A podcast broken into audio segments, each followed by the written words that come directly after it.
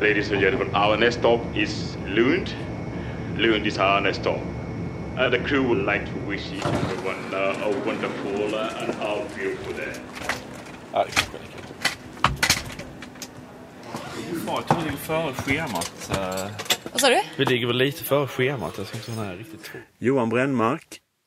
Min grundläggande forskning är som akademiforskare vid Vitterhetsakademin gällande grundläggande medicinetiska frågor. Och sen deltar jag dessutom då i eh, det här forskningsprogrammet om vetenskap och beprövad erfarenhet. Och den röda tråden som för min del löper genom båda två eh, är frågor som gäller autonomi. Och när det gäller grundläggande medicinsk etik så har ju autonomi och framförallt patientautonomi varit ett dominerande värde under de senaste decennierna.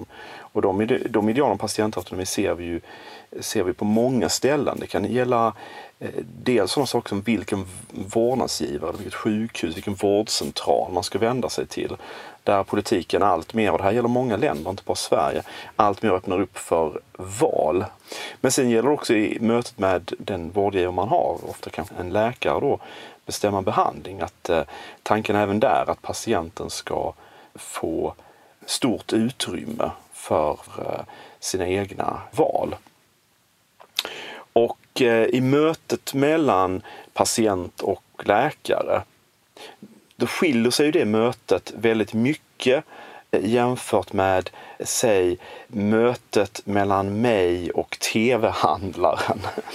I mötet mellan mig och tv-handlaren när jag ska köpa en tv så kan det ju vara så att jag inte vet någonting om tv-apparater. Men det kan mycket väl vara så att bara genom lite snabbt googlande så har jag tagit reda på så pass mycket om de här tv-apparaterna så att jag, jag vet lika mycket som den här eh, försäljaren. Jag behöver egentligen inte någon hjälp med, med sak sakfrågorna.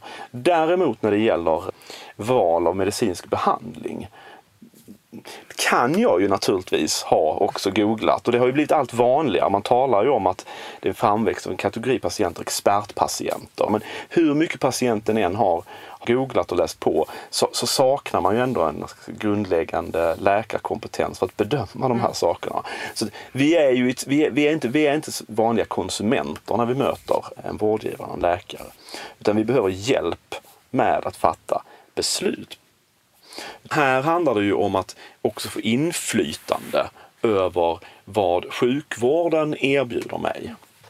Vilken behandling ska jag få? Och det är ju en behandling som, åtminstone i Sverige, så bekostas den ju till stor del av samhället.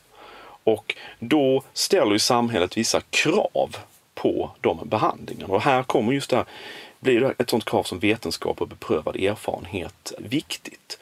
För även om vi tycker att vi som patienter, som vårdtagare, vi ska ha frihet och möjlighet att själva vara med och utforma behandlingar så verkar det också som att det kanske finns vissa gränser. Åtminstone om samhället ska vara med och betala behandlingen. Så vissa typer av alternativmedicinska eh, behandlingsformer till exempel. Eh, där kan vi inte bara skicka räkningen till samhället utan återigen, va? Vi, vi, kan ju, vi kan ju fortfarande välja att eh, behandla vår cancer med kollodialt silver eller vad, vad det nu må vara. Va? Men eh, vi kan inte förvänta oss att samhället bekostar, eh, bekostar den behandlingen. Det finns en rad krav på medicinska behandlingar och idéer om vad som är effektivt men även idéer om vad som är rimliga, har rimliga kostnader som gör att i mötet mellan läkaren och patienten så har det redan sorterats ner till en viss eh, vad ska jag säga, meny som man kan diskutera från. Sen kan man diskutera vad på den här menyn är bäst för dig som enskild patient. Ja, men det kanske beror lite på vad den här patienten har för eh, behov. En sak som jag vill titta närmare på det är vad ska vi säga processen från olika typer av metastudier och forskningssammanställningar som görs. Så det finns ju olika sådana som görs Cochrane till exempel och i Sverige har vi då SBU.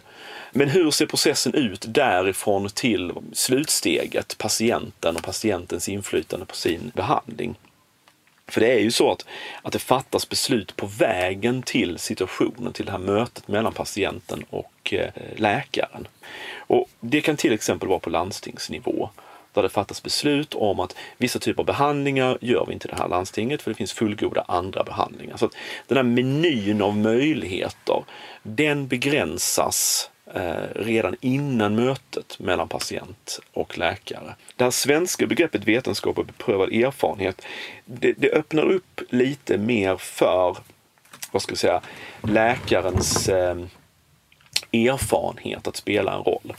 Så det har ju funnits den här stora diskussionen kring evidensbaserad medicin nu i alla fall i 20 år och det har blivit extremt tongivande inom, inom vården. Men det är, liksom inte, det är inte omedelbart så att man kan sätta ett likhetstecken mellan evidensbaserad medicin och vetenskap och beprövad erfarenhet. Det är ju en av de saker som vi för övrigt kommer att titta på inom programmet. I vilken utsträckning det här är ekvivalenta begrepp eller i vilken utsträckning faktiskt det svenska begreppet rymmer någonting, någonting mer. Och där kan man ju tänka sig just att, att begreppet beprövad erfarenhet öppnar för att läkaren utifrån sin erfarenhet och vad han eller hon har testat med de patienter som, som, som han eller hon har mött. Um, och vad som funkat, vad som inte funkat. Det är ju inte, det är inte, det är inte forskning i den bemärkelse som, som, som man, eh, man, eh, man går igenom i den här typen av metastudier. Men det är fortfarande någonting som man kan basera beslut på. Mm. Det var ett snyggt slut.